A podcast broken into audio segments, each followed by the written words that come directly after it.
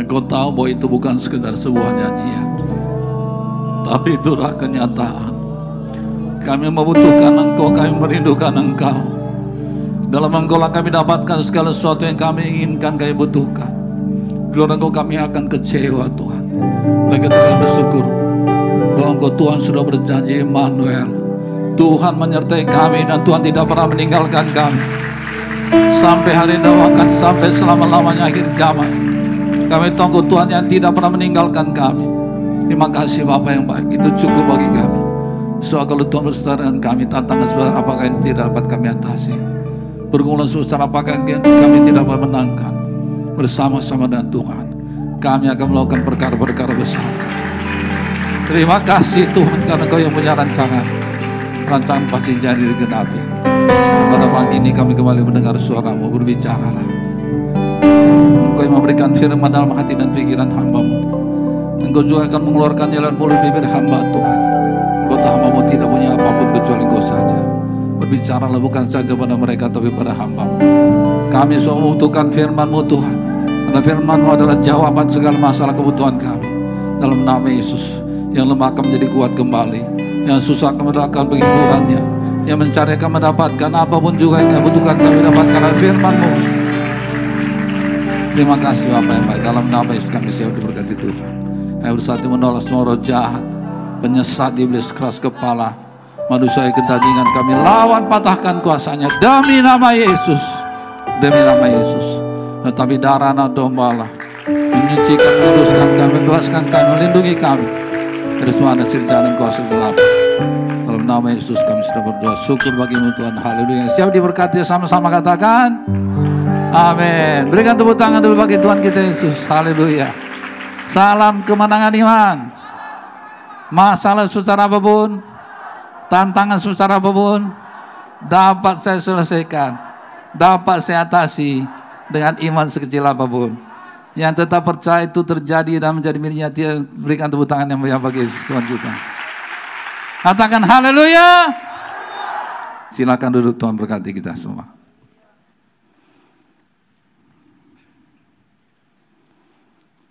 Haleluya, saudaraku. Bagaimana kabarnya saudara?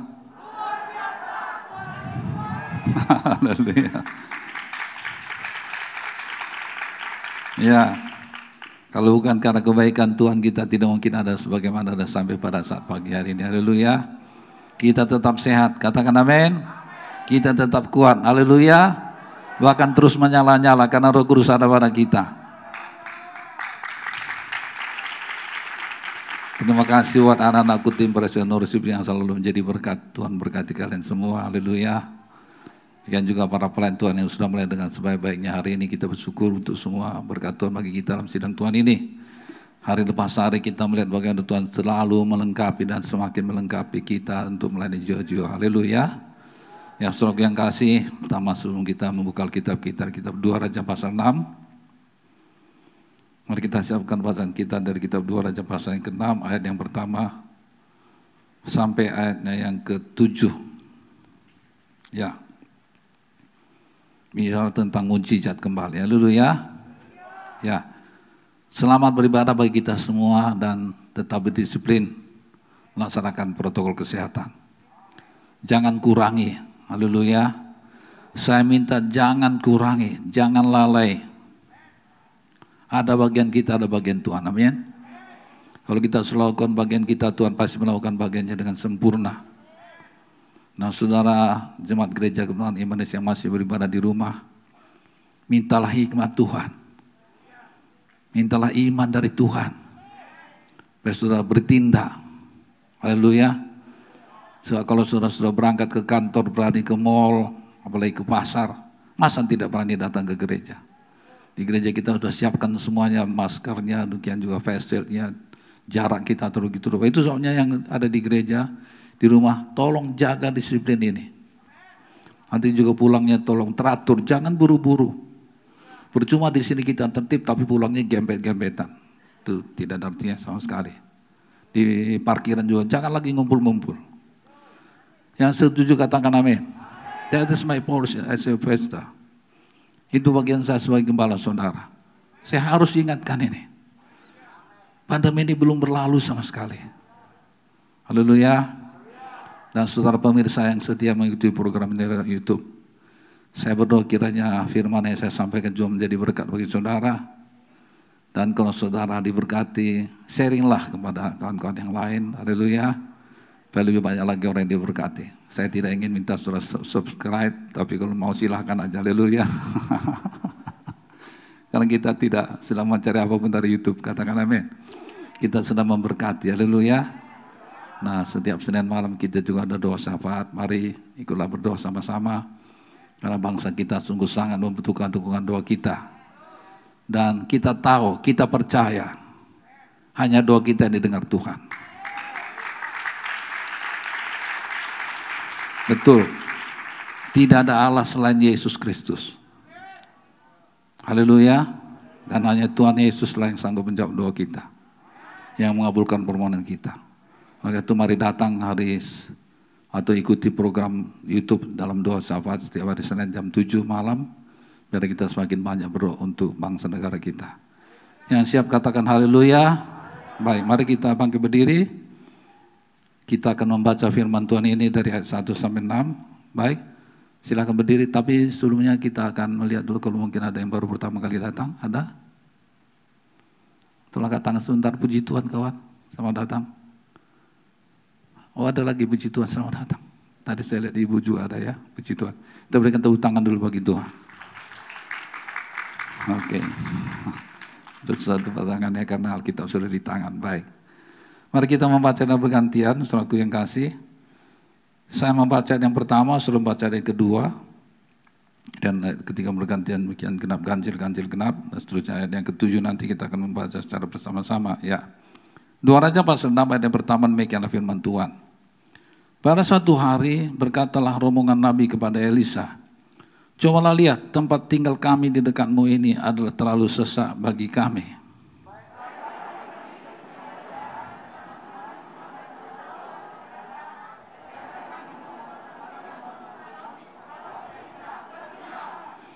Lalu berkata seorang, silakan ikutlah dengan hamba-hambamu ini. Jawabnya, baik aku akan ikut.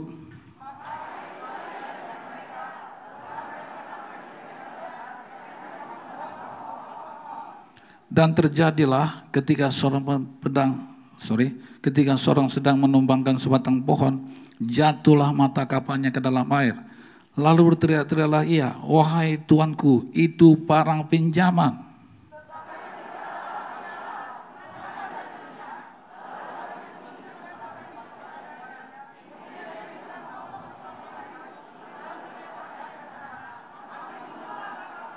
Haleluya. Sama-sama.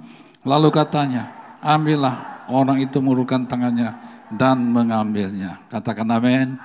Silakan duduk letakkan Alkitab saudara dan berikan tepuk tangan yang paling mulia bagi Yesus. Haleluya. Kapal yang tenggelam timbul kembali. Kapal yang dibuat untuk apa, suraku? Untuk membangun rumah. Jadi hari ini Tuhan bicara mengenai pembangunan rumah. Ternyata kapak itulah kapak pinjaman.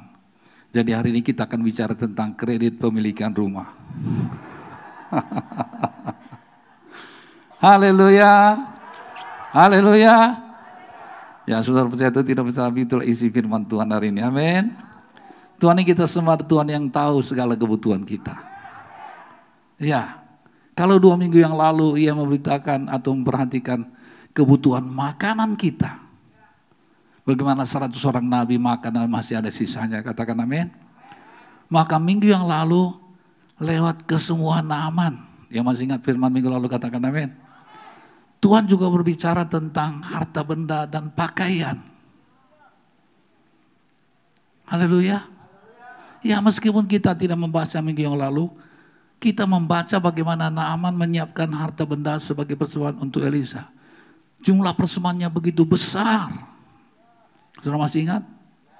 Mari coba kita lihat kembali itu. Dua Raja pasal 5 ayat yang kelima B atau 5 silakan. Dua Raja pasal 5 ayat yang kelima. Saya membaca yang 5 B. Lalu pergilah Naaman dan membawa sebagai persembahan sepuluh berapa? sepuluh talenta perak dan enam ribu sikal emas dan sepuluh potong pakaian. Itu adalah bukan baju tetapi jubah. Sepuluh jubah. Haleluya. Dan itu jumlahnya sungguh amat sangat luar biasa besarnya nilainya. Karena apa? Karena hanya dengan dua talenta perak yang diterima oleh Gehazi minggu yang lalu dia bisa membeli, coba perhatikan apa yang bisa dia beli. Dua Raja Pasal 5 yang ke-26.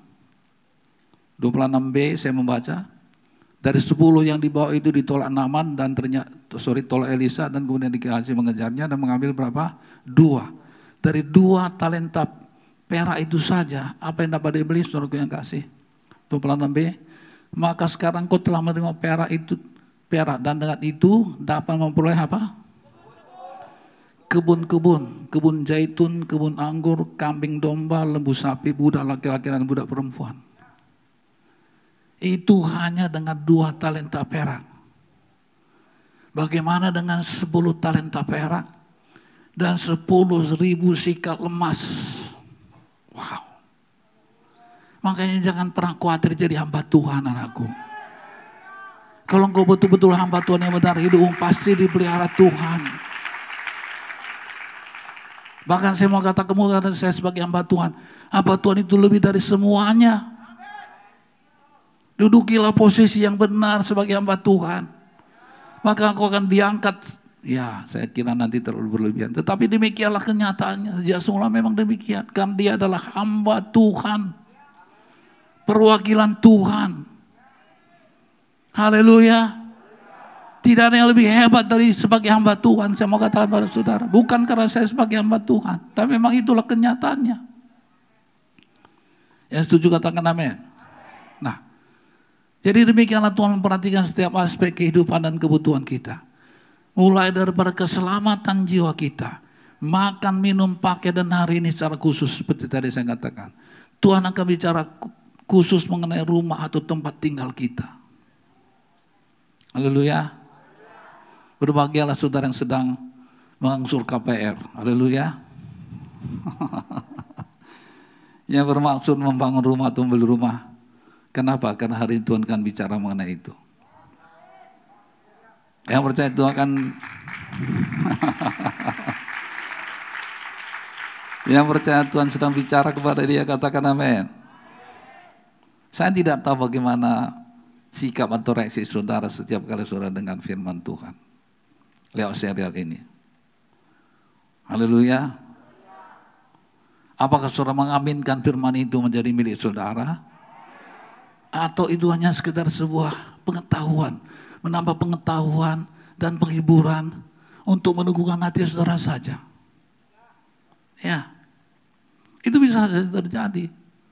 Karena ada orang dengar firman hanya sekedar untuk menghibur-hibur. Hebat kali firman Tuhan itu ya.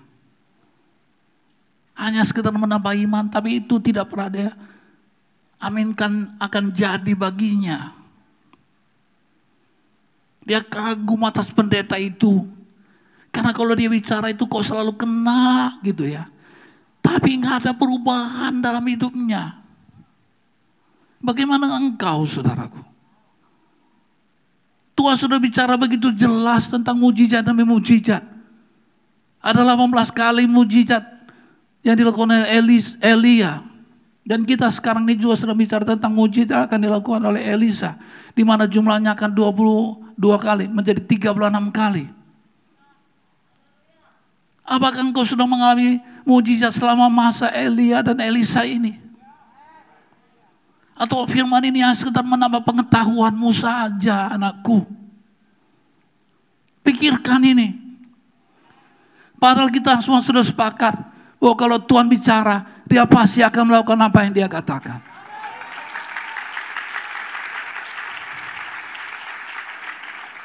Haleluya. Luar biasanya minggu yang lalu lewat serial ini.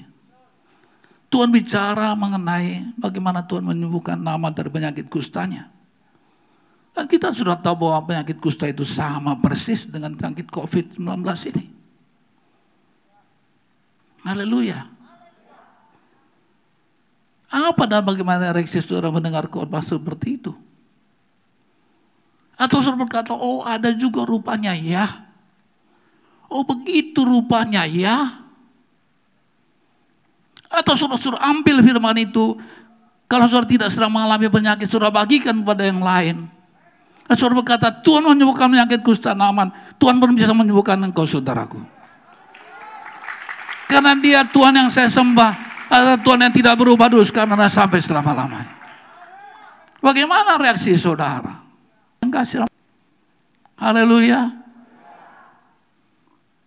Saudara yang kasih dalam nama Yesus Kristus. Firman Tuhan dengan tegas menegaskan bahwa iman harus disertai dengan apa? Perbuatan. Soal tanpa iman tidak mungkin orang berkenan pada Tuhan. Tapi tidak cukup sekedar iman, tapi harus apa? Disertai dengan apa? Tindakan.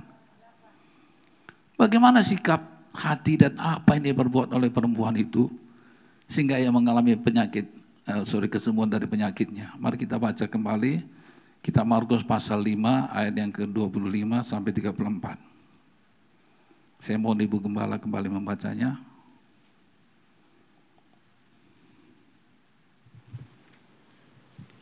Markus pasal, pasal 5, 5 25 20 sampai 34.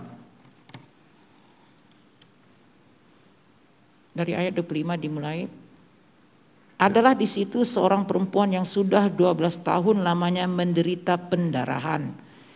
Ayat 26, ia telah berulang-ulang diobati oleh berbagai tabib sehingga telah dihabiskannya semua yang ada padanya.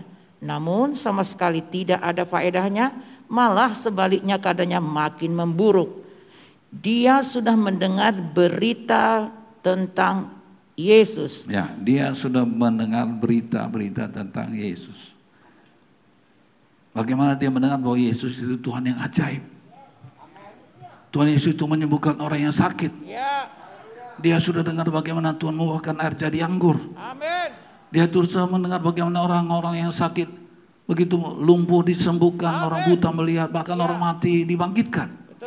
Haleluya. Firman Tuhan berkata bahwa iman muncul dari apa? Pendengaran dan pendengaran akan oleh iman Kristus. Dan dia beriman. Dan sekarang orang yang melakukan mujizat itu ada di depannya. Yesus yang melakukan perkara mujizat yang dahulu itu sekarang ada di sini. Apa yang akan kau lakukan? Now you're here. Dia ada di sini. Haleluya. Haleluya.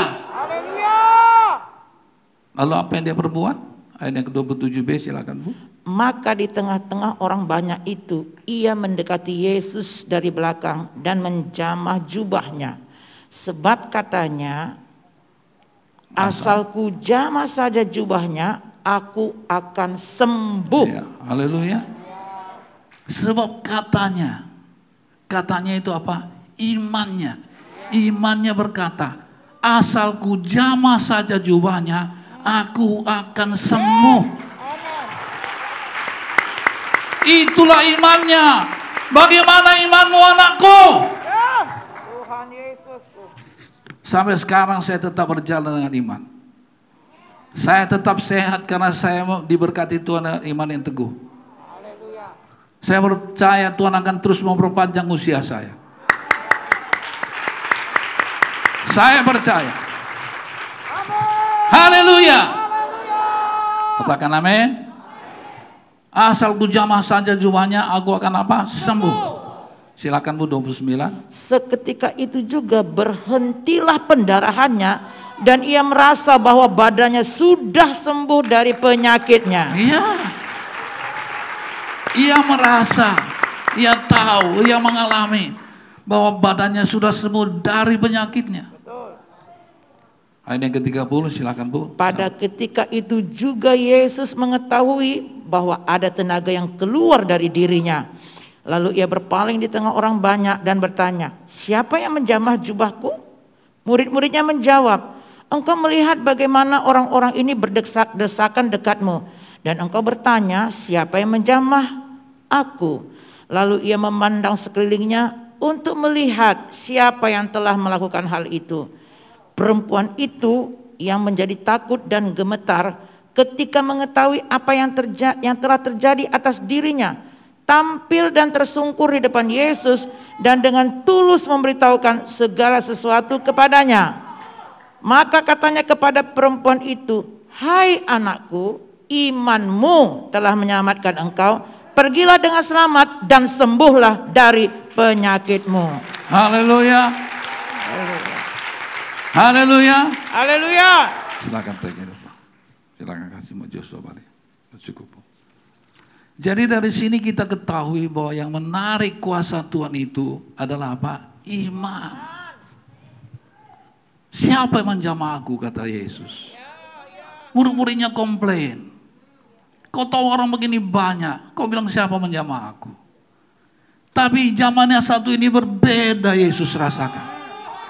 Ada orang yang menjamah saya dengan iman ini. Siapa orang itu? Mana dia orangnya? Haleluya. Yesus mencari orang yang beriman. Yesus mencari orang yang menjamah siap menjamah dia. Siapa percaya kepada kuasa yang bekerja dalam hidupnya? Haleluya. Sekarang dia sedang mencari siapa yang beriman. Siapa yang sudah menjamah Yesus. Dan perempuan itu yang sudah mengalami itu dengan takut berkata, akulah orangnya. Lalu apa kata Yesus tadi? Hai anakku, imanmu telah menyelamatkan engkau. Iman saudara yang menyembuhkan saudara. Bagaimana imanmu? Haleluya. Bagaimana proses dan apa yang membuat Paulus bertindak sehingga orang yang sama sekali lumpuh itu bisa berjalan? Saya akan membaca kisah 14 ayat 8. Di Lisra ada seorang yang duduk saja. Karena apa? Lemah kakinya. Dan apa? Belum lumpuh sejak ia dilahirkan. Dan belum pernah dapat berjalan. Ini orang yang lahir lumpuh dan belum pernah dapat berjalan. Bayangkan ini. Pasal kitab itu renungkan keadaan itu. Berapa minggu yang lalu Elisa berkata kepada janda itu, kumpulkan semua apa? Bejana dari tetangga. Jangan saudara simpulkan. Bayangkan bagaimana cara mengumpulkan bejana dari tetangga. Kalau aku disuruh kira-kira seperti apa. Mau enggak aku dan seterusnya. Orang ini apa? Lumpuh sejak lahirnya dan belum pernah dapat. Ini tadi orang yang akan sembuh ini. Bayangkan ini. Haleluya. Ayat yang ke-9. Ia duduk mendengarkan ketika Paulus berbicara. Lalu apa yang terjadi? dia dapat iman.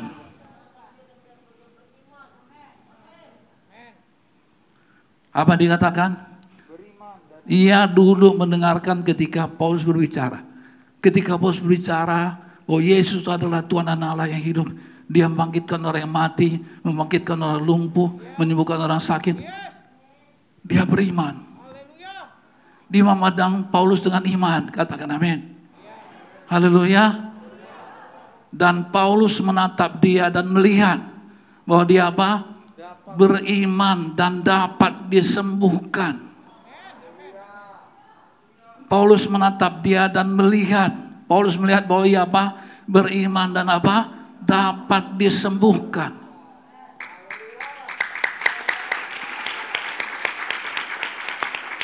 Haleluya. Lalu kata Paulus dengan suara nyaring apa?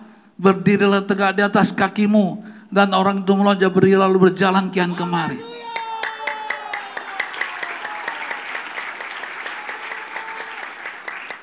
Pertama di sini perhatikan, Paulus melihat bahwa ia apa? Beriman. Paulus melihat bahwa orang itu beriman. Adakah saya melihat di sini orang yang beriman?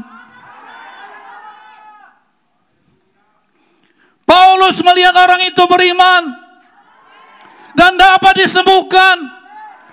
Lalu dia berkata kepada orang ini, bangkit dan berjalanlah. Lalu orang itu bangkit dan berjalan kian kemari. Jadi pertama orang beriman itu dapat dilihat, ketahuan. Dari cara duduknya, dari responnya, dari pandangan matanya, terutama dari ucapannya. Haleluya. Saya perhatikan pelayanan TB Joshua juga begitu. Orang-orang yang datang itu datang dengan iman. Man of God, help me. Man of God, help me.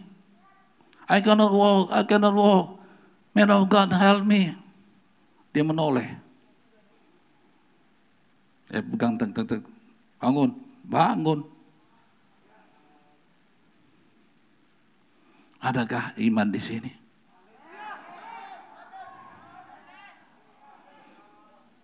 Haleluya. Bagaimana imanmu pada pagi hari ini? Kau punya masalah, kau punya tantangan, adakah kau punya iman? Seperti apa imanmu? Haleluya. Katakan amin. Alkitab dengan jelas menuliskan bahwa di Kapernaum Tuhan Yesus roh yang kasih tidak dapat mengadakan mujizat apa pun. Karena apa? Enggak ada yang beriman. Mereka berkata, ah hutan doi mana?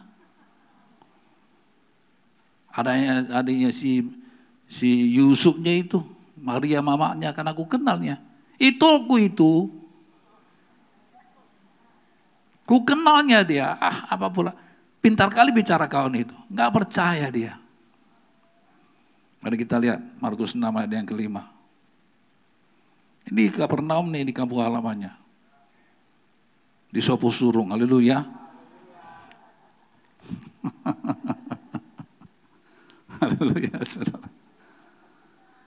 Ia tidak dapat mengadakan satu mujizat pun di sana. Kecuali apa? menyembuhkan beberapa orang sakit dengan meletakkan tangannya atas mereka. Enam. Ia apa? Ia merasa heran atas ketidakpercayaan mereka. Haleluya. Ada dua hal yang membuat Tuhan Yesus heran. Yang pertama dia heran karena nggak percaya. Dan heran karena melihat Panglima Laskar itu beriman begitu percaya. Enggak usah repot-repot Tuhan. Haleluya. Just say one word. Katakan aja satu perkataan. Maka hambaku itu akan sembuh. Yesus heran. Iman sebesar ini belum pernah aku dapati bahkan di antara Israel sekalipun. Bagaimana kabarmu? Bagaimana imanmu mama hari ini? Bagaimana imanmu pada pagi ini anakku? Kalau engkau berkata engkau mengharap dari Tuhan, engkau harus datang dengan iman. So tanpa iman kau tidak bisa berharap apa pun dari Tuhan. Haleluya. Haleluya. Haleluya. Nah, itulah baru pembukaan. Haleluya. Sesuai secara kita maka hari ini seperti tadi saya katakan. Firman Tuhan akan bicara mengenai rumah. Haleluya. Rumah mereka sudah terlalu sesak, lalu mereka membangun rumah. Katakan amin. Lalu Eli, Elisa berkata oke, okay. lalu pun terjadilah kapak pinjaman itu jatuh. Katakan amin. Rupanya apa tadi? Kredit pemilikan rumah. Haleluya. Akhirnya macet, katakan amin. Yang sedang mengalami itu katakan amin. Oh enggak lancar semua, haleluya. Ada juga beberapa orang ya, oke lah. Satu kali Tuhan Yesus berbicara tentang rumah. Yohanes 14 ayat yang kedua.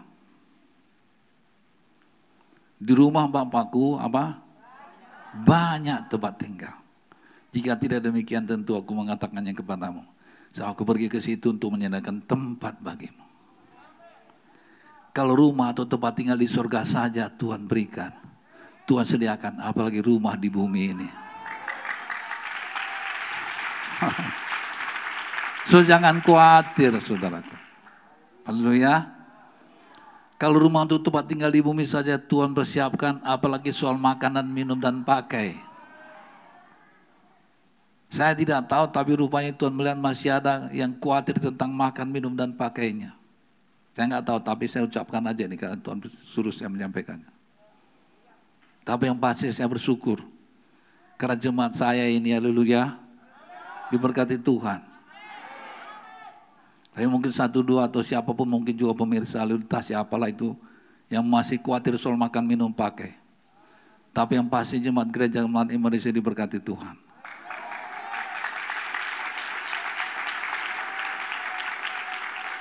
Dari mana saya tahu dua minggu lalu saya tanya Ibu Gembala, Mam, ini persembahan kolektif jemaat berapa bertambah atau berkurang? Ibu Gembala bilang, enggak tuh sama aja, dia bilang. Pada jumlah jemaat yang hadir di kebaktian berkurang. Berapa tuh? Ya sekitar 12-an juta satu minggu. Jadi walaupun jumlah yang datang kurang, persembahannya enggak berkurang.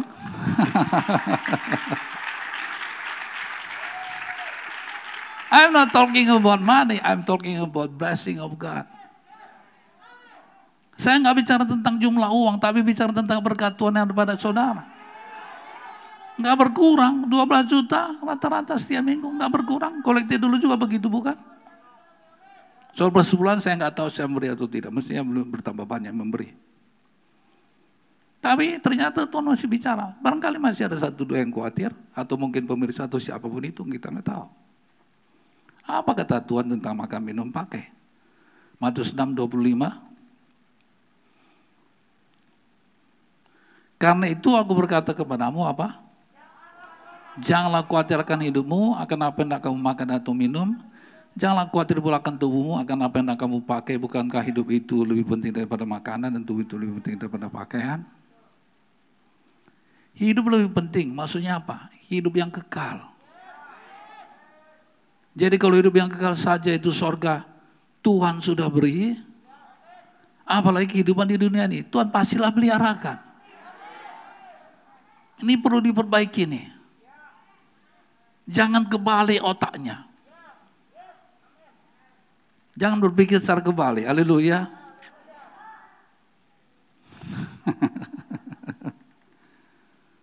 Haleluya.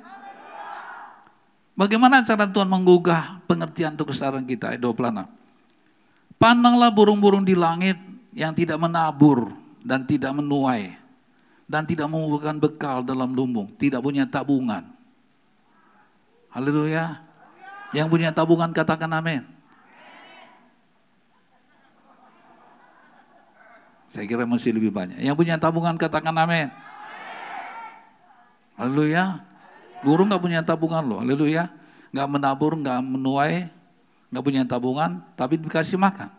Haleluya. Namun apa? Diberi makan oleh Bapamu di surga. Bukankah kamu jauh melebihi burung-burung itu? Yang yakin dia lebih jauh lebih berarti daripada burung, katakan amin. Haleluya. Yang yakin dia lebih berharga dari burung tekukur, katakan haleluya.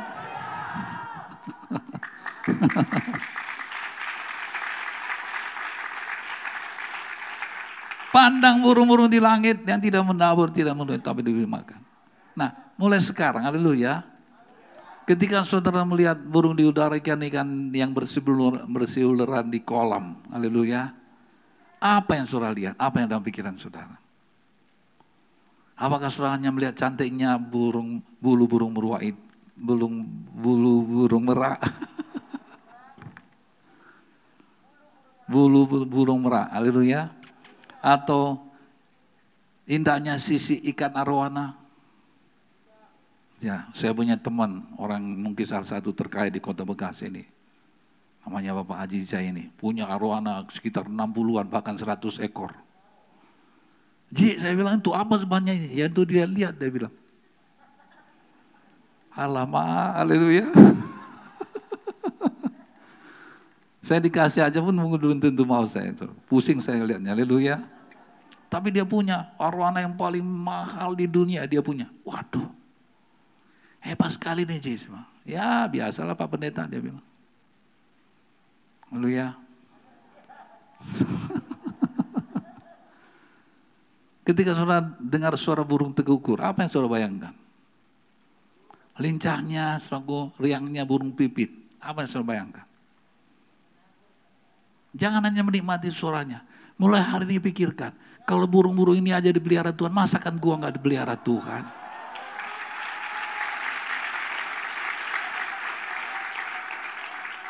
Jadi ketika saya melihat burung, katakan ketika saya melihat burung, kekhawatiran saya pun hilang.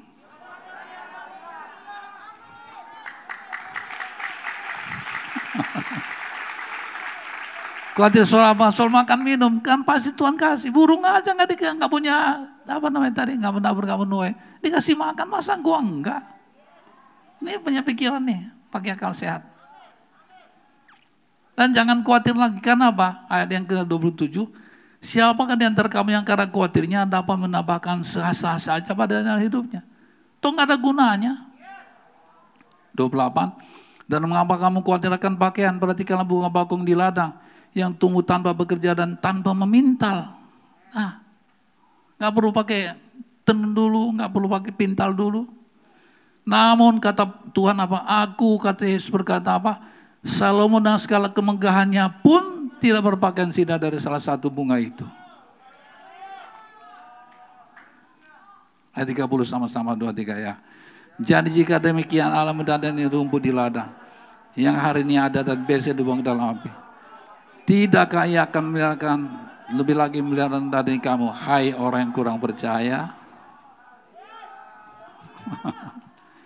Jadi jika demikian alam dan ini rumput di ladang yang hari ini ada dan biasa dibuang dalam api. Tidakkah ia akan lebih lagi mendandani kamu, hai orang yang kurang percaya? Ayat yang 31, so itu janganlah kamu khawatir dan berkata, apa akan kami makan, apa akan kami minum, apa akan kami pakai. Semuanya itu dicari bangsa yang tidak mengenal Allah. Akan tetapi Bapamu yang di surga tahu dan itu cukup. Dia tahu sudah cukup, dia pasti tidak tinggal diam. Katakan amin bahwa kamu memerlukan semuanya itu. Tetapi apa? Carilah kerajaan Allah dan kebenarannya. Maka semuanya itu akan ditambahkan kepadamu.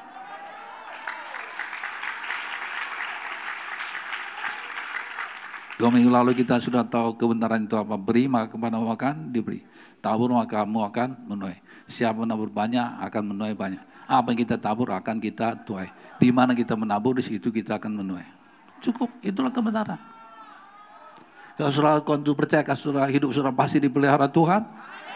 Hidup saudara pasti diberkati Tuhan. Lakukan. Selesai. Saya mau katakan padamu, sekali lagi saya ingatkan, pergumulan masalah kita bukan uang anakku. Semestinya juga bukan soal sakit penyakit. Pergumulan kita hanya satu, yaitu apa? memenangkan jiwa-jiwa bagi Tuhan. Punyalah pikiran yang benar. Haleluya. Itu saja jadi beban saudara cukup. Pikirkan bagaimana memenangkan jiwa-jiwa. Sebentar lagi kita akan melaksanakan kakek penginjilan. Saya mendengar kabar bahwa jumlahnya belum tertata begitu banyak. Ayolah anakku. Carilah jiwa-jiwa. Minta apa saja kepada Tuhan dalam rangka menangkan jiwa. Tuhan pasti akan berikan yang kepadamu.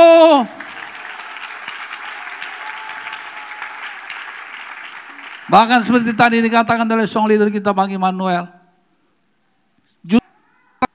Sekarang ini Makanya tema KKR kita apa, Natal kita apa? Saudara membutuhkan Tuhan. Haleluya. Yang mengerti katakan amin.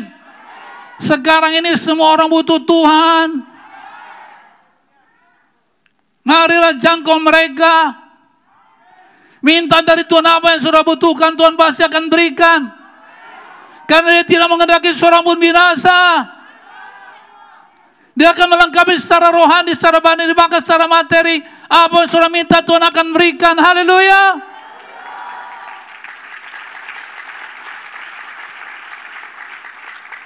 Jika kamu dalam aku dan aku dalam kamu minta apa saja kata Yesus. Maka akan berikan kepadamu. Haleluya saudaraku. Oke. Kita lanjutkan sekarang. Ini baru betul-betul bicara mengenai papan. Yaitu mengenai rumah tempat tinggal. Dua Raja pasal namanya ayat 1 tadi. Silakan baca sama-sama yuk. Dua, tiga, ya.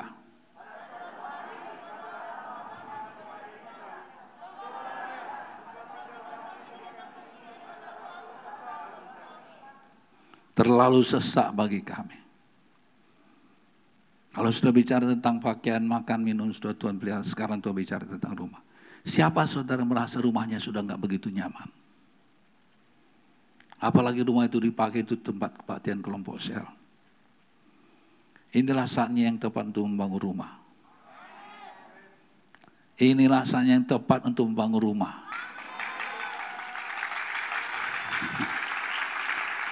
Saya nggak peduli keadaan ekonomi seperti apa, tapi saya mau katakan sekarang waktunya membangun rumah. Kalau sudah sudah menabur, sudah pasti menuai. Saya nggak peduli, saya nggak mau tahu. Pokoknya sekarang lo waktunya. Mungkin sudah berkata, boro-boro bangun rumah pak, biar kontrakan angsurannya saja saat ini saya kesulitan. Saya tidak tahu, nggak mau tahu. Emangnya gue pikirin.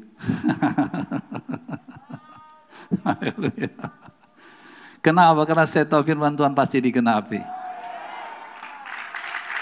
Saya sebagai hamba Tuhan tidak boleh ragu akan firman yang saya ucapkan. Begitu saya ragu maka jemaat pasti akan ragu dan bimbang dan tidak akan ada kuasa Tuhan berlaku. Saya tidak pernah bimbang akan hal tersebut. Saya akan ucapkan saja firman Tuhan dan Tuhan pasti membela apa yang saya katakan. Apa kata Tuhan? Yesaya 54 ayat yang kedua. Ini kata Tuhan pada kita. Ayat satu saya baca mulailah. Bersorak-soraklah. Atau dua saja loncat ya. Ini bicara tentang rumah. Lapangkanlah tempat kemahmu dan bentangkanlah tenda tempat kediamanmu. Ini firman Tuhan. Saya saksikan sedikit. Dari tadi malam, bahkan dari kemis saya sudah cari firman, tapi saya tidak teringat akan ini. Tapi tadi pagi sebelum saya print Tuhan ingatkan ini. Tambahkan ayat ini. Saudara tahu saya tidak berkuasa apa pun atas firman yang saya ucapkan kecuali Tuhan. Tuhan berkata begini. Lapangkanlah tempat kemahmu. Dan bentangkanlah tenda tempat kediamanmu. Jangan menghematnya. Panjangkanlah tali-tali kemahmu dan pancangkanlah kokoh-kokohmu dan patok kokoh-kokoh patok-patokmu Pancangkanlah kokoh-kokoh patok-patokmu, kuatkan, teguhkan. Sebab engkau akan mengembang ke kanan dan ke kiri. Keturunan akan membuat tempat bangsa-bangsa dan akan mendiami kota-kota yang sunyi. Kok nggak ada yang tepuk tangan ini?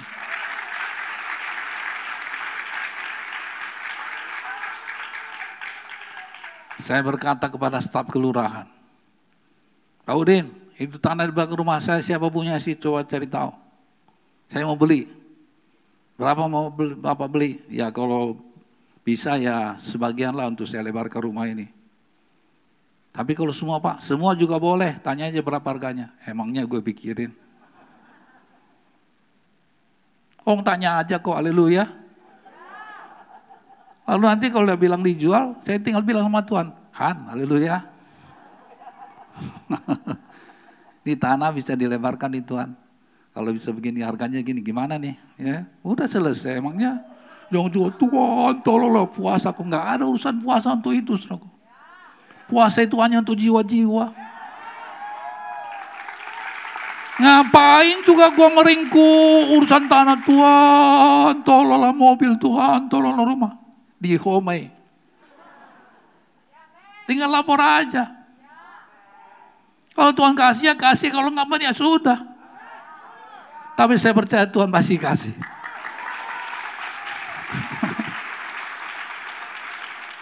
Persoalannya dia nggak jual, haleluya. Kalau dia jual gue beli, betul.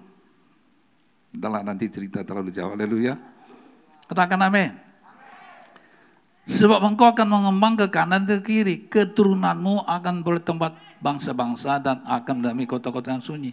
Itu kota-kota atau rumah-rumah yang sudah dijual lelang karena apa? Pemiliknya bangkrut.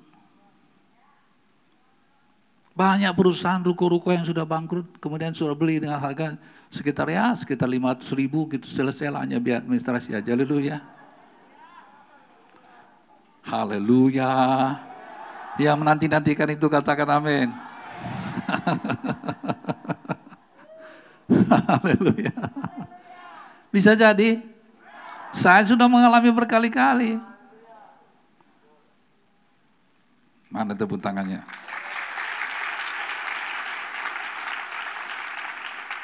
Pada waktu Tuhan berkata kepada Abraham bahwa ia akan beroleh anak, ia sudah berusia 100 tahun. Rahim Sarah sudah tertutup. Tapi terhadap janji Tuhan ia tidak bimbang dan tetap percaya. Haleluya. Lalu apa yang terjadi? Rahim Sarah yang tertutup itu terbuka kembali. Adakah yang mustahil bagi Tuhan? Lalu lahirlah seorang anak bernama siapa? Isa. Haleluya. Roma 4 ayat yang ke-18. So sekalipun tidak ada dasar untuk berharap, namun apa? Abraham berharap juga dan percaya bahwa ia akan menjadi bapa banyak bangsa. Menurut yang telah difirmankan demikianlah banyak nanti keturunanmu. Imannya tidak menjadi lemah, walaupun ia mengetahui bahwa tubuhnya sudah sangat lemah. Karena usianya telah kira-kira berapa? 100 tahun dan bahwa rahim Sarah apa? telah tertutup. Terhadap janji Allah, ia tidak bimbang ketidakpercayaan.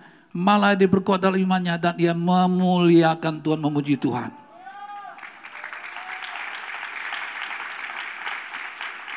Dengan penuh keyakinan bahwa Allah berkuasa untuk melaksanakan apa yang telah ia janjikan. Karena itu hal ini diperhitungkan kepadanya sebagai apa? Kebenaran. Perhatikan 23. Kata-kata ini yaitu hal ini diperhitungkan kepadanya tidak ditulis untuk Abraham saja. Tetapi juga untuk kita, kata untuk saya. Sebab kepada kita pun Allah memperhitungkannya. Karena kita percaya kepada dia yang telah membangkitkan Yesus Tuhan kita dari antara orang mati. Haleluya. Yaitu Yesus yang terdekat karena pelanggaran kita dan dibangkitkan karena apa? Pembenaran kita. Jadi kalau saudara bertindak seperti Abraham bertindak, saudara juga akan mengalami apa yang dialami oleh Abraham.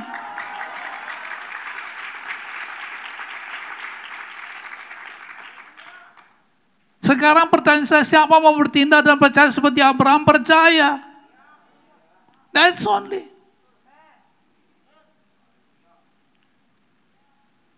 Haleluya. Dikatakan karena pembenaran kita. Kita menjadi orang benar bukan karena melakukan kebenaran, tetapi karena apa?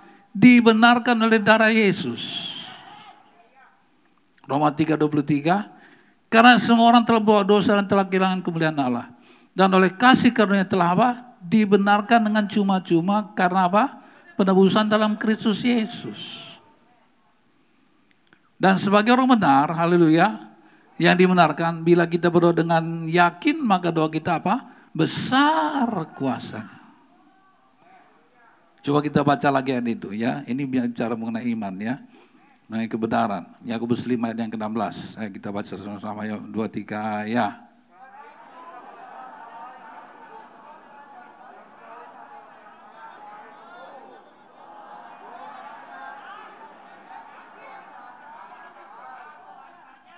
Haleluya. Ini sangat penting nih, saling mengaku dosa. Haleluya. Haleluya. Katakan amin. Saling mengaku dosa supaya kamu apa? Sembuh. Dalam kitab Matius pasal 5, 23, 24 dikatakan, So, jika engkau mempersembahkan persembahan di hadapan Tuhan, teringatkan suatu rahmati saudaramu terhadap engkau, tinggalkan persembahan di depan mesbah itu dan pergilah berdamai dengan saudaramu, lalu kembali untuk mempersembahkan persembahanmu itu. Jadi begini, haleluya. Saya ajak saudara mulai hari ini berdoa. Berdoa dengan iman. Haleluya. Saya akan mendukung saudara mulai hari ini supaya Tuhan mengabulkan permohonan doa saudara. Supaya mujizat terjadi dalam hidup saudara. Yang percaya mujizat masih terjadi katakan amin. Tapi satu hal yang saya minta sekarang. Saudara membereskan semua hubungan satu dan yang lain. Jangan ada sangkut-sangkut. Firman tadi berkata, kalau engkau teringat ada sesuatu dalam hati saudaramu tentang engkau. Bukan dalam hatimu, tapi dalam hati saudaramu. Misalnya, saudaraku, haleluya, sesama anggota satu wilayah pemimpin kelompok sel, ada suatu ganjal hatinya tentang engkau. Begitu melihat engkau, dia pun buang muka. Pemukanya nggak ada lagi, haleluya. Biasanya ketemu begitu senyum, dia pun menghindar. Biasanya engkau duduk sebelah sini sama-sama dia, sekarang dia duduk sebelah sana, haleluya. bereskan itu. Jangan kau katakan, ah itu urusan dia lah, aku nggak ada apa-apa. Kamu nggak ada apa-apa, tapi dia ada apa-apa. Selesaikan. Jangan surat terus semuanya. Oh raba sandorobo di Teringat wajahnya. Lalu hura da da da da da da. Jangan. Tinggalkan dulu. Tapi dia tinggal di Cilengsi Pak. Saya di Depok. Haleluya. Haleluya bagaimana caranya? Berhenti dulu ambil handphone saudara, WhatsApp dia, haleluya. Eda, haleluya. Apa kabar Eda, haleluya. Hari minggu kemarin Eda nggak kuliah, kuliah di ujung sana. Lalu pulang, ada apa Eda? Tuhan berkati Eda ya, nanti kita ketemu ya, waktu kita pertemuan pelayan. Haleluya. Begitu ketemu pertemuan pelayan, bawakanlah dia sekedar kue oleh-oleh. Haleluya.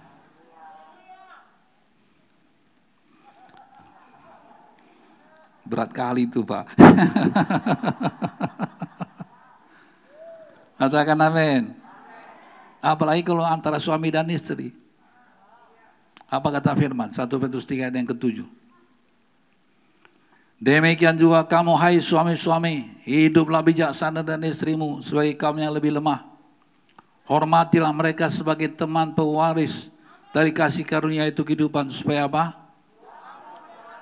Supaya apa? Doamu jangan terhalang. Yang mau doanya tidak terhalang katakan amin. Nah, suruh perhatikan kadang-kadang yang menjadi penghalang dikabulkannya doa kita justru pasangan kita. Suami atau istri. Nah ini nih. Saya berdoa mulai hari doa sudah dikabulkan Tuhan. Apa yang sudah minta Tuhan akan berikan. Haleluya. Tapi bereskan hati dan pikiran seluruh hubungan saudara, apalagi suami istri. Haleluya. Bereskan, katakan amin. Apakah penghalang itu? Yaitu salah satu di antaranya yang paling utama adalah marah. Marah, dongkol sama suami, dongkol sama istri. Selesaikan. Kalau tidak selesaikan, itu akan menjadi penghalang berkat. Efesus 4 ayat 26. Apabila kamu menjadi marah, janganlah kamu buat dosa. Janganlah matahari terbenam sebelum pada marahmu. Haleluya. Dan janganlah beri kesempatan pada iblis. Bolehkah marah? Boleh marah apa tidak? Boleh, tapi jangan bawa tidur.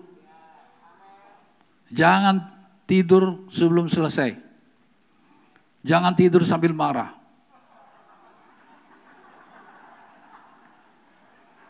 Mimpi pun mimpi buruk. Haleluya. Apa kau? Katakan amin. Sebelum matahari terbenam maksudnya bukan pukul 6. Haleluya. Tapi sebelum ti tidur. Haleluya. Jangan selalu berpikir, oh lama Tinggal 15 menit lagi di jam 6, haleluya. Sekarang kupuaskan marah dulu. Begitu dua menit lagi, udah udah selesai lah, udah puas hatiku, haleluya. Aku sayang sama kau. Ah, sama kau lah itu. Tadi kau marah-marah, sekarang kau bilang sayang-sayang. Nggak ada itu, haleluya. Katakan amin. Haleluya. Jadi antara suami dan istri harus terdapat kesehatian.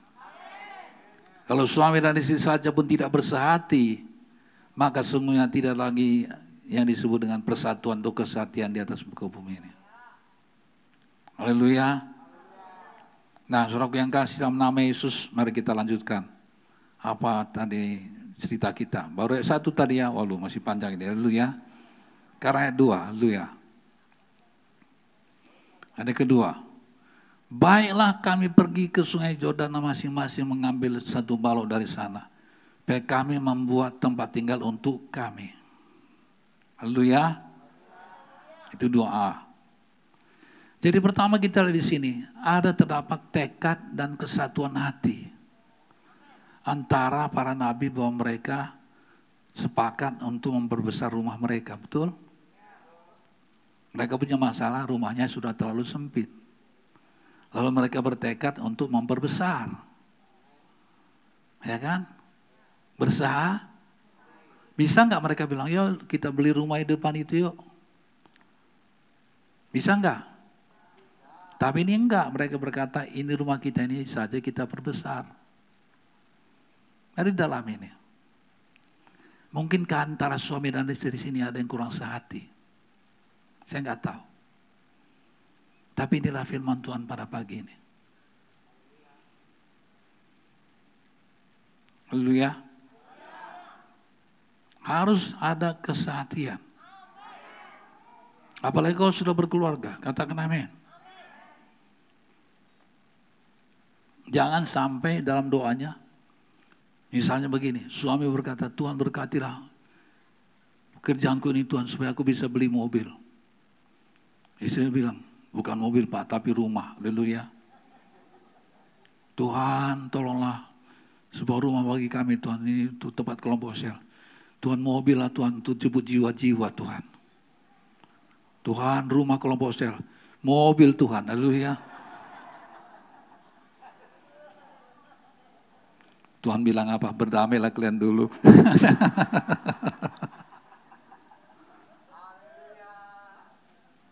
Coba uji anakku. Adakah di antara saudara yang saat ini bersuami dan istri belum bersehati? Di depan istri saya, Ibu Gembala Saudara. Untuk pekerjaan Tuhan, kami selalu bersehati. Mengapa Tuhan berkati gereja ini? Kami selalu bersehati sehati sepakat. Apa pun itu. Sepakat selalu. Untuk berjalan Tuhan. Oke, okay, Ma. Oke, okay, oke, okay, Pak. Oke. Siap. Gak ada sedikit pun korel. Gak pernah sedikit pun kami bantah-bantah. Enggak. Haleluya. Nanti kita cerita lebih jauh soal Tapi itu harus terjadi.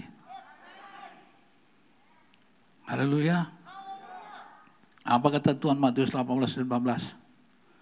Dan lagi aku berkata kepadamu, jika dua orang daripadamu di bumi ini sepakat minta apa pun juga, meminta apa pun juga, meminta apa pun juga, permintaan mereka itu akan dikabulkan oleh Bapakku yang di sorga. Tuhan tahu begitulah sulitnya menyatukan hati anak-anakku. Sehingga Tuhan berjanji kalau engkau bersepakat saja. Apa pun yang kau mintakan kuberikan kata Tuhan. Ayo. Mulai sekarang jangan ngotot. Jangan keraskan hati. Haleluya. Tanyalah Tuhan apa sebenarnya yang kau kendaki Tuhan. So, Tuhan pasti punya rencana atas berkat yang dia berikan pada kita. Haleluya. Lalu yang kedua apa? Mereka lapor kepada Elisa. Dan kami malah minta restu atas rencana mereka itu. Amin suraku. Coba kembali pada ayat 1, 2 tadi. Apa dikatakan? Coba lihat kembali ayat 1, 2. Pada satu hari berkata rombongan Nabi kepada Elisa, coba lihat tempat tinggal kami dekatmu ini, hal terlalu sesak bagi kami. Baiklah kami pergi ke sungai Jordan dan masing-masing mengambil satu balok dari sana. Supaya kami membesar membuat tempat tinggal untuk kami. Jangan bisa apa? Pergilah. Jadi mereka apa? Lapor dan minta restu kepada siapa? Pemimpin mereka. Perhatikan sebelum saya lebih jauh. Mereka tidak hanya mengeluh. Ini begini, begini, begini. Tidak. Tapi mereka memberitahu rencana mereka untuk menyelesaikan masalah mereka. Haleluya. Bisa kan datang. Gimana nih Pak Elisa? Rumah kami udah tersempat nih. Gimana nih? Gimana nih? Disuruhnya Elisa memikirkan. Saya mengajar saudara jemaat Tuhan dengan benar. Haleluya. Saudara mesti tahu apa yang harus saudara lakukan untuk mengatasi masalah saudara. Saudara mesti tahu. Haleluya. Dan rencana tersebut pertama harus tidak boleh melanggar firman. Gimana itu maksudnya? Misalnya begini, saudara butuh uang, lalu berkata, aku merampok lah, ya, Lalu saudara lapor sama saya, Pak berkati saya Pak, saya mau merampok.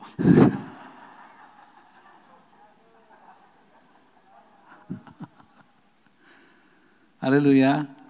Selain tidak melanggar firman, kalau boleh memungkinkan laporlah pada saya. Tapi kalau tidak, pastikan itu benar jalan Tuhan. Atau para pemimpin kelompok sel, atau pemimpin wilayah, sektor seterusnya. Yang mengerti maksudnya katakan amin. Saya memberitahu pada saudara apa mereka lakukan. Saya enggak berniat apa pun, tapi ini yang saya dapatkan. Mereka lapor kepada siapa? Elisa. Elisa berkata, silakan lakukanlah. Dengan kalimat lain, Elisa merestui Haleluya. Apa kata Elisa? Jawab Elisa, pergilah. Nah, tapi bagi salah satu dari mereka, restu dan dukungan Elisa tidak cukup.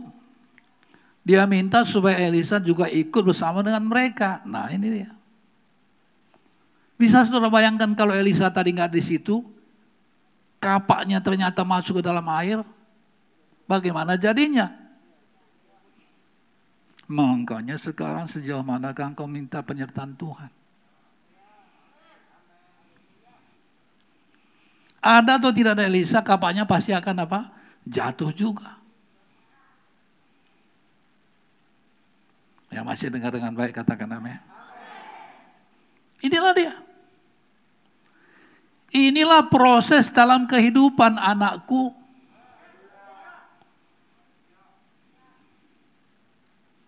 Membaca kisah ini, haleluya.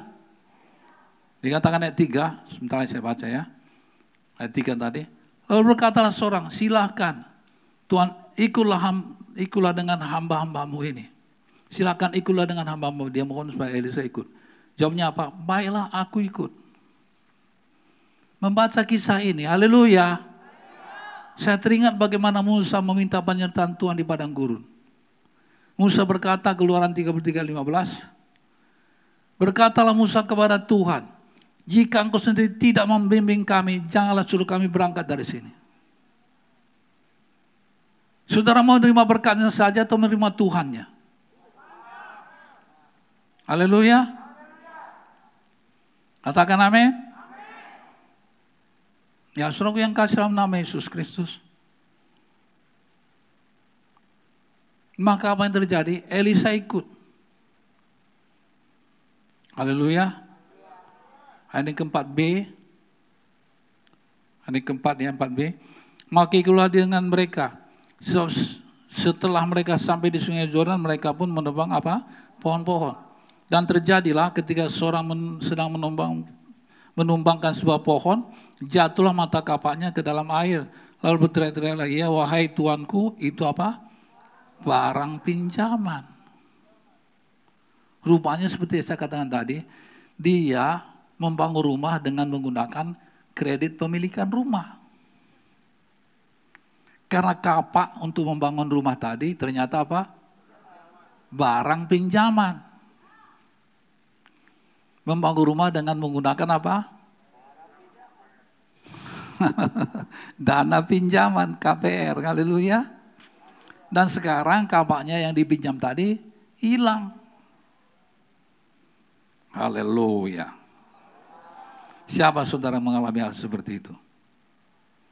Sekarang kreditnya macet, katakan amin. Karena satu dan hal mungkin karena COVID usaha saudara agak terganggu sehingga angsuran KPR-nya jadi terkendala. Hari ini Tuhan akan menolong saudara.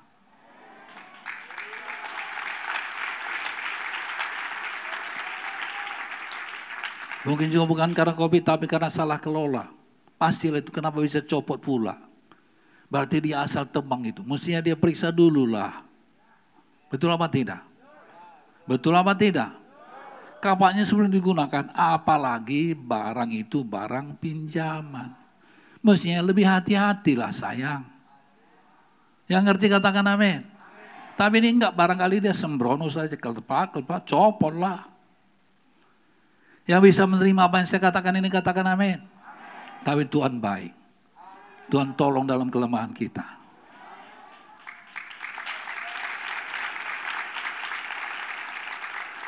Tapi apa kata Elisa? Coba lihat 6, ayat 6. Ke mana jatuhnya? Ya kan? Tetapi berkatalah abdi Allah, ke mana jatuhnya?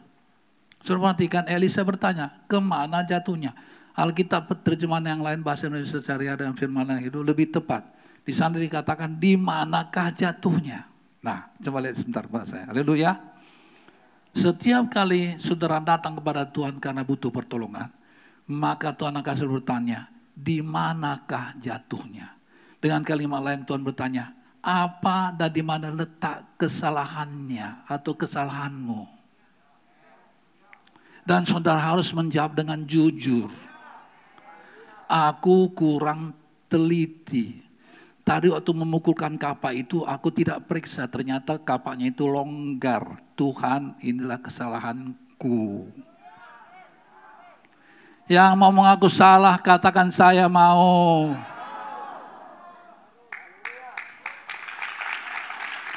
Di mana jatuhnya?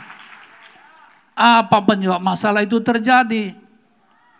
Karena dalam segala perkara Tuhan turut campur untuk mendatangkan kebaikan bagi kita. Pertama apa?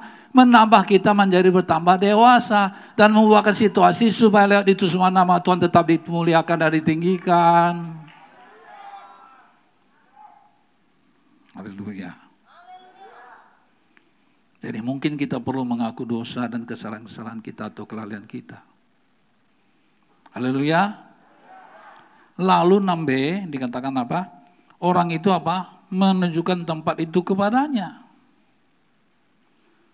Haleluya. Sesudah ia terbuka, jujur katakan amin. Mengakui bahwa kapal itu kapal pinjaman, selanjutnya dia menempat, menunjukkan tempat jatuhnya kapal itu.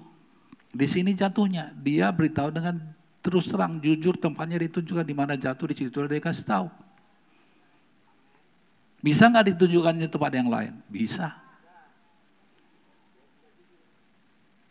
Dan kalau tunjukkannya di sini, pada jatuh di sana, tunjukkan kira-kira kapannya muncul apa enggak. Jadi harus apa? Terus terang, jujur, dan terbuka.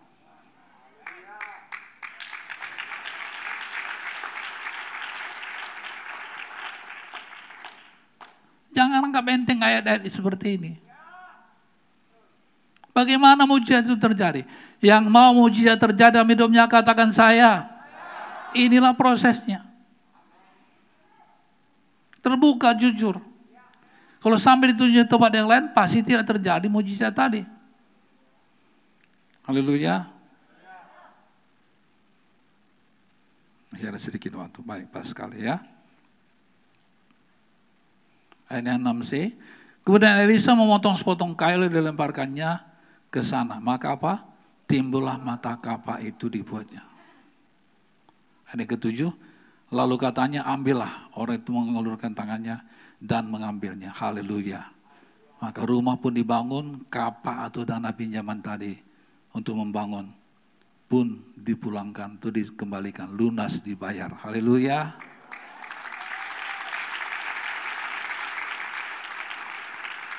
Dari peristiwa ini kita bisa menarik kesimpulan bahwa kunci terjadinya mujizat adalah kesatian dan kerjasama. Haleluya. Bicara tentang kerjasama, saya ingat bagaimana orang Israel memenangkan peperangan melawan orang Amalek. Saudara masih mau dengar sedikit lagi? Ya masih mau dengar katakan amin. Dalam keluaran pasal 17. Haleluya. Saya tidak tahu apakah mungkin dibahas lagi ini apa tidak, tetapi coba silakan Ibu Gembala ayat yang ke-8 sampai ayat yang ke-13 tolong baca dengan cepat atau dengan jelas. Keluaran pasal 17 ayat 8. Hmm. Lalu datanglah orang Amalek dan berperang melawan orang Israel di Rafidim. Musa berkata kepada Yosua, pilihlah orang-orang bagi kita, lalu keluarlah berperang melawan orang Amalek. Hmm. Besok aku akan berdiri di puncak bukit itu dengan memegang tongkat Allah di tanganku. Nah, saudara perhatikan ya, akan ada kerjasama. Ketika ada kerjasama maka mujizat akan terjadi. Teruskan Bu, silakan. Lalu Yosua melakukan seperti yang dikatakan Musa kepada dikatakan Musa kepadanya dan berperang melawan orang Amalek. Tetapi Musa, Harun dan Hur telah naik ke puncak bukit. Dan terjadilah apabila Musa mengangkat tangannya, lebih kuatlah Israel. Tetapi apabila ia menurunkan tangannya, lebih kuatlah Amalek. Maka penatlah tangan Musa. Sebab itu mereka mengambil sebuah batu, diletakkanlah di bawahnya. Supaya duduk di atasnya Harun dan Hur menopang kedua belah tangannya. Seorang di sisi yang satu, seorang di sisi yang lain sehingga tangannya tidak bergerak sampai matahari terbenam. Demikianlah Yosua mengalahkan Amalek dan rakyatnya dengan mata pedang. Berikan tepuk tangan beri bagi Tuhan. Satu gambaran kerjasama yang sangat efektif. Haleluya. Mari kita bangun kerjasama. Apa yang membuat mereka menang? Dia adalah karena adanya kesatian dan kerjasama antara Musa, Harun, Hur, dan Yosua. Yosua dan orang yang sedang berperang di bawah, sedang Musa naik ke atas bukit untuk berdoa dan menjadi penentu kemenangan. Ya, yang menentukan kemenangan itu siapa? Musa. Tapi berperang siapa? Joshua dan Israel. Karena apa dia bisa menang? Karena dia mengangkat tangan. Ketika dia mengangkat tangan, makin maka kuatlah Israel. Haleluya. Kemenangan terjadi. Katakan amin. Tapi kemudian tangannya menjadi lelah dan turun. Sehingga apa yang terjadi? Israel menjadi lemah dan kalah. Sehingga apa yang terjadi? Harun dan Hur harus menopangnya. Diambil batu, duduk di sana, lalu kemudian kanan kiri Harun dan Hur. Harun dan Hur, katakan amin. Sekarang saya berikan kesimpulan. Siapakah Harun dan Hur ini? Harun kita tahu adalah kakaknya Musa. Betul? Abangnya Musa. Abang Musa atau kakak Musa itu ada dua. Harun, satu lagi Miriam. Tapi Hur ini siapa? Haleluya. Menurut seorang sejarawan, sejarawan seorang Israel Yosefus Clavius berkata dia adalah suami daripada Miriam. Jadi dia adalah abang iparnya Musa. Nah perhatikan ini. Jadi kita lihat mujizat terjadi, saudara, kan ada kesatian dan kerendahan hati. Haleluya. Kita lihat bagaimana Saudara yang kasih Harun dan Hur merendahkan diri. Kalau dibandingkan dengan usia, maka apa? Saudaraku, Musa ini jauh lebih muda daripada Harun dan Hur. Katakan amin. Tapi mereka mau mendukung pelayanan Musa. Karena mereka sadar Musa dipilih Tuhan. Tidak terjadi rebutan kekuasaan di sana. Saya merinding membaca ini, saudara. Betapa pentingnya itu. Haleluya. Bayangkan soku abang ipar dan abang kandung mendukung, menopang. Supaya Musa ini bisa menang dan Israel menang.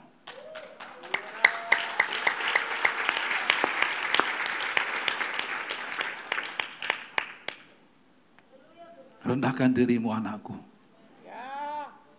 Masing-masing kita sudah punya fungsi. Lakukan bagianmu masing-masing. Tuhan Yesus memberkati kita semua. Tuhan Yesus memberkati kita semua. Haleluya. Berikan tepuk tangan yang meriah bagi Yesus. Mari kita bangkit berdiri.